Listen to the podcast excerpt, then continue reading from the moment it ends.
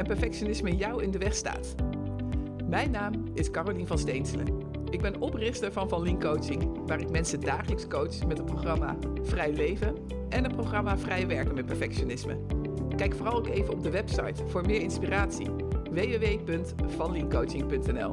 En nu snel over naar het onderwerp van vandaag.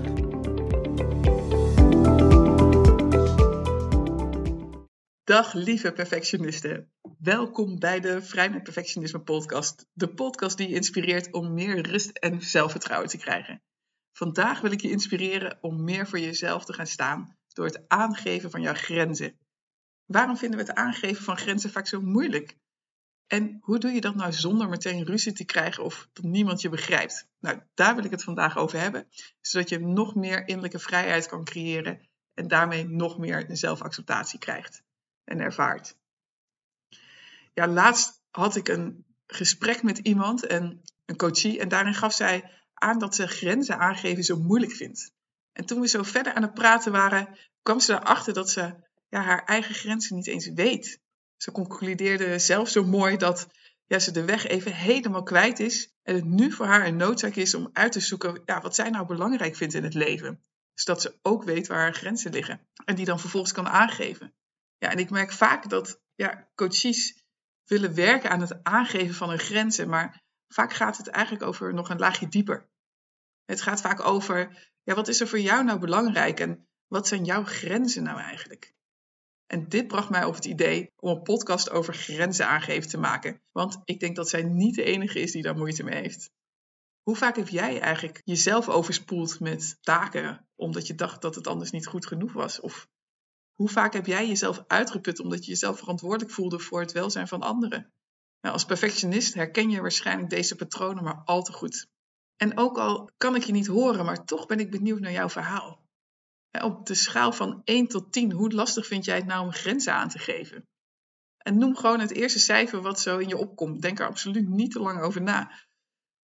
En ik weet natuurlijk niet welk cijfer je hebt gezegd, maar als het lager is dan een 8, dan is het interessant om eens dat deel van jezelf verder te onderzoeken. Ja, want grenzen zijn essentieel van belang voor een goed, gezond en gebalanceerd leven. En grenzen geven je namelijk ruimte om jezelf te beschermen en die zorgen ervoor dat je je energie behoudt en dat je goed je prioriteiten kunt stellen.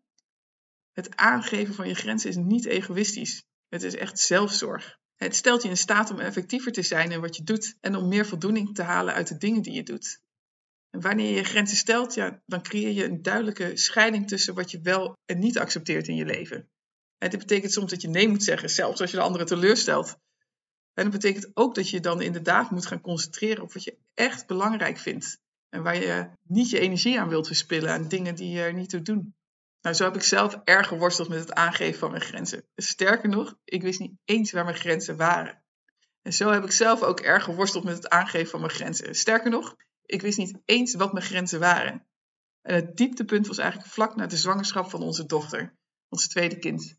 En ik heb twee pittige zwangerschappen, echt kort achter elkaar gehad, en waarbij ik dan de hele zwangerschap dagelijks heb moeten spugen. En ik had nog veel meer klachten en ik ging eigenlijk alleen maar door. Totdat mijn baas er iets van zei en me naar huis stuurde. En na de geboorte ging ik eigenlijk al snel meteen weer aan het werk. En ik werkte toen in het onderwijs. En tijdens de nachtelijke, nachtelijke voedingen viel ik vaak bijna flauw. En studenten maakten zich, en achteraf hebben ze me dat verteld, echt oprecht zorgen. Omdat ze dachten dat ik flauw ging vallen, zo voor de klas. En ja, ik wist die momenten ook nog heel erg goed. Toen ik daar zo voor die klas stond, heel licht werd in mijn hoofd. Echt niks kon zeggen op dat moment. Maar inmiddels stikte de tijd voorbij. En ik was zo intens moe, maar ik dacht echt dat het normaal was. Ik dacht gewoon niet zeuren, gewoon maar doorgaan. Maar toen brak het nieuwe schooljaar aan en had ik daar een briljant idee om misschien wel meer te gaan werken. Want er waren immers heel veel gaten in het rooster die nog opgevuld moesten worden. En ik vergeet nooit meer hoe mijn collega en nu een vriendin van mij hierop reageerde. Echt, ze vond het een absurd idee en gaf aan dat ik mijn grenzen helemaal niet kende. Ze vond het zo bizar. En ik was totaal niet blij met haar reactie, maar ze had echt zo gelijk. Ik wist totaal niet waar mijn grens was. En daarom ging ik maar door. En vlak daarna viel ik uit met een burn-out. En ik zie vaak dat een burn-out voor mensen echt een startpunt is om het op een andere manier te gaan doen. En voor mij was dat in ieder geval noodzakelijk. Nou, zo heb ik ook een coachie gehad die uh, nou, een schema ging maken van alles wat hij deed. En hij kwam toen tot de conclusie dat hij veel meer deed dan dat hij tijd had. En hij kreeg daarmee eigenlijk het inzicht dat het ook onmogelijk was wat hij allemaal deed en wilde doen. En moest toen bij zichzelf te raden gaan van, hé, hey, wat is er nou belangrijk voor mij en wat moet ik echt gaan loslaten? Dus hij heeft echt geleerd om te gaan schrappen in zowel zijn werk, maar ook dingen in zijn privéleven. Nou, en wat ik ook vaak zie en wat ik ook herken, is dat als je een dag hebt gewerkt of al de hele week hebt gewerkt en de dingen in het gezin allemaal hebt geregeld die er nog moesten gebeuren en dat je dan zo thuis bent en dat een van je kinderen dan niet meewerkt tijdens het eten of het naar bed brengen. En nou, voor je het weet, dan flap je er iets uit wat je niet had willen doen. Of je verheft je stem net even iets harder dan dat je wilde. En dan is eigenlijk de grens bereikt, denk je dan. En nu is mijn grens bereikt. Maar eigenlijk ben je er zelf al lang overheen gegaan. Nou, misschien herken je nu bij jezelf ook hoe je met jouw grenzen omgaat. En als we eens een laagje dieper kijken, dan zie je vaak ja, dat we onszelf geen toestemming geven om grenzen te hebben. En dat ontstaat al vaak in onze opvoeding. We hebben bijvoorbeeld geleerd om aan anderen te denken. En dat is natuurlijk zo. We moeten ook aan anderen denken. Maar als kind kun je dan bijvoorbeeld concluderen dat het niet goed is om aan jezelf te denken. En als het kind daarbij ook nog eens het voorbeeld ziet van een van de ouders die op die manier dat doet, dan is de kans groot dat er een deel ontstaat dat ja, vindt dat je geen grenzen mag hebben. Of je hebt bijvoorbeeld een ervaring gehad waarbij je grenzen aangaf waar er overheen werd gegaan. En toen heb je de conclusie getrokken ja, dat, het, dat het geen zin heeft. En zo vertelde laatst een moeder aan mij dat ze met haar zoontje bij een zwemmeer was. En ze wilde even gauw zijn zwembroek aantrekken. Maar haar zoontje zei nee. En ze, ze negeerde dat en deed zijn broek uit en zijn zwembroek aan. En, en daardoor begon dat jongetje heel hard te slaan. En zo mooi om te zien wat deze moeder zich toen realiseerde.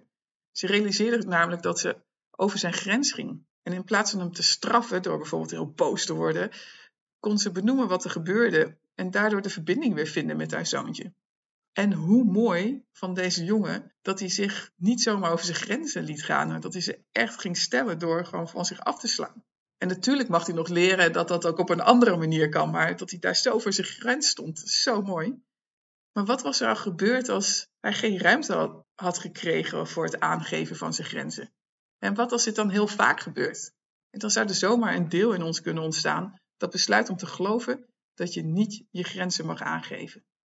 Dus het is interessant om eens te onderzoeken wat het maakt dat je last hebt van het, in het aangeven van jouw grenzen. Door helder te hebben welke overtuiging je hebt of het besluit wat je ooit hebt genomen, kun je dat veranderen. En dan kun je vervolgens onderzoeken wat er belangrijk is voor jou. En dat je leert om dat aan te geven, zodat je een mooie balans kan vinden in het meebewegen met de ander en dat een andere keer de ander weer met jou meebeweegt. Dat je leert om daar zelf voor te kiezen in plaats van dat je op een automatische piloot altijd maar meebeweegt met de ander. Hè, om wat voor reden dan ook. Nou, gelukkig kunnen we dat allemaal leren. En als je dan weet wat je belangrijk vindt en wat je grenzen zijn, ja, dan is natuurlijk de vraag: hoe doe je dat dan op een manier waarbij de ander zich niet direct aangevallen voelt? Of dat er direct een conflict ontstaat? Of dat je helemaal naar iemand zijn pijpen gaat dansen? Nou, ik ben zelf erg fan van de geweldloze communicatie van Marshall Rosenberg. En tegenwoordig wordt dat de verbindende communicatie genoemd. En met deze methode leer je om op een respectvolle en vreedzame manier met anderen te communiceren. Zelfs in situaties waarin meningsverschillen zijn of spanningen zijn.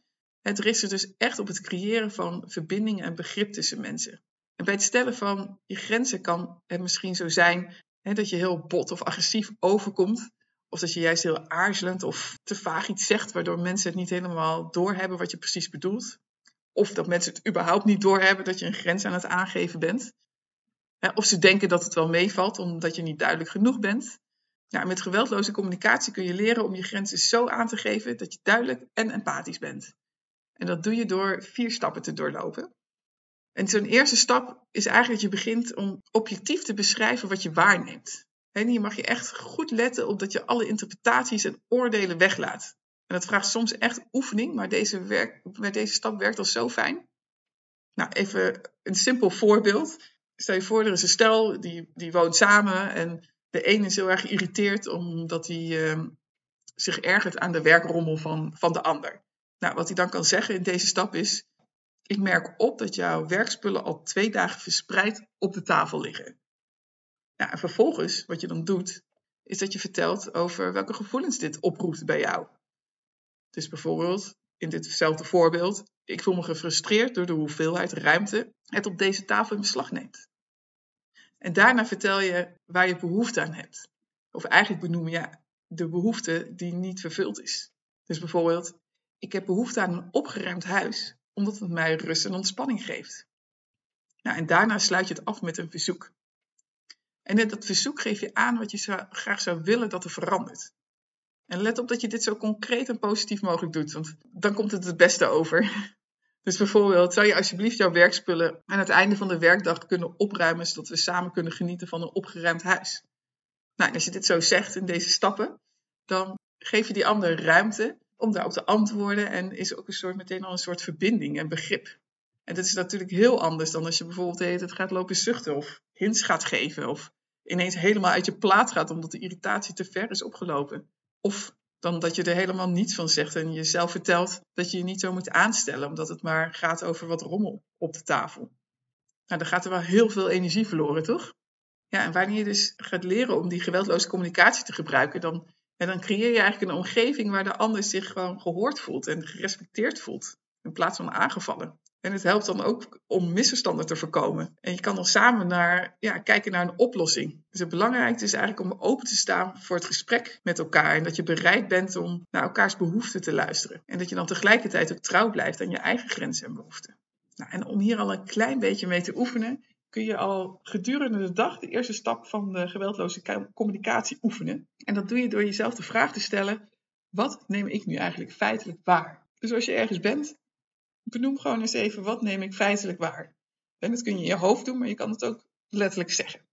Oefen en speel hier eens lekker mee, want ja, soms kan het namelijk best moeilijk zijn om zonder oordeel of interpretaties iets te zeggen. En dat is helemaal oké, want je bent ook gewoon aan het leren.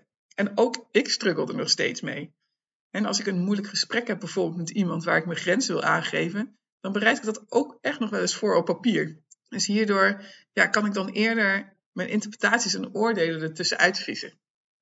Nou, dan heb ik nog een oefeningetje voor je. Dus ja, wanneer je in een situatie zit waar, je, waar grenzen spelen, bijvoorbeeld op je werk of zo, of uh, in een situatie waar iemand iets doet waar jij je onprettig bij voelt, sta dan eens stil door jezelf af te vragen: wat wil ik hierin? Wat is belangrijk voor mij en wat is dan nu mijn grens? Het gaat er dus niet om wat je wel of niet kunt, maar wat is belangrijk voor jou en wat wil jij? En daar zit natuurlijk ook een kleine valkuil. Ik wil bijvoorbeeld wel vijf coachsessies op een dag doen. En ik zou dat ook best kunnen, maar langdurig ja, is dat niet goed voor mij. Op lange termijn zou ik me uitputten. En daarnaast wil ik bijvoorbeeld ook nog energie overhouden om er voor mijn gezin te zijn, omdat ik dat heel erg belangrijk vind. Dus mijn grens ligt op ja, maximaal drie gesprekken op een dag, zodat ik mijn energie in balans kan houden en andere dingen kan doen die ik ook belangrijk vind in mijn leven.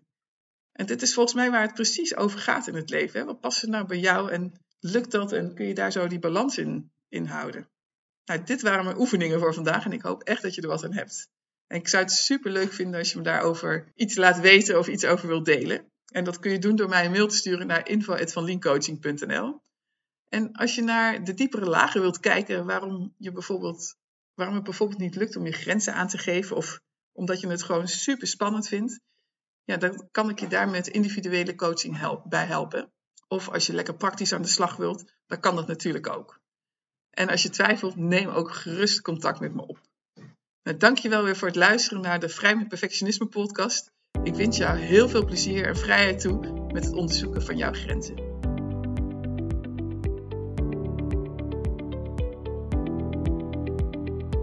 Super leuk dat je weer luisterde naar een aflevering van Vrij met Perfectionisme. Ben je door deze podcast enthousiast geworden en wil je nu eindelijk jouw perfectionisme aanpakken? Meld je dan aan voor de workshop of het programma Vrij Leven of Vrij Werken met Perfectionisme door een mail te sturen naar info.vanlinkcoaching.nl. Wil je eerst een kennismakingsgesprek? Plan dan een afspraak in op vanlinkcoaching.nl slash gratis-kennismaking. Heb je vragen naar aanleiding van deze aflevering? Of wil je mij iets vragen? dan vind ik het altijd super leuk om van je te horen. Mail dan even naar info.vanliencoaching.nl of stuur mij een Insta-DM via Carolien van Steenselen. Voor nu, een hele fijne dag gewenst en tot snel!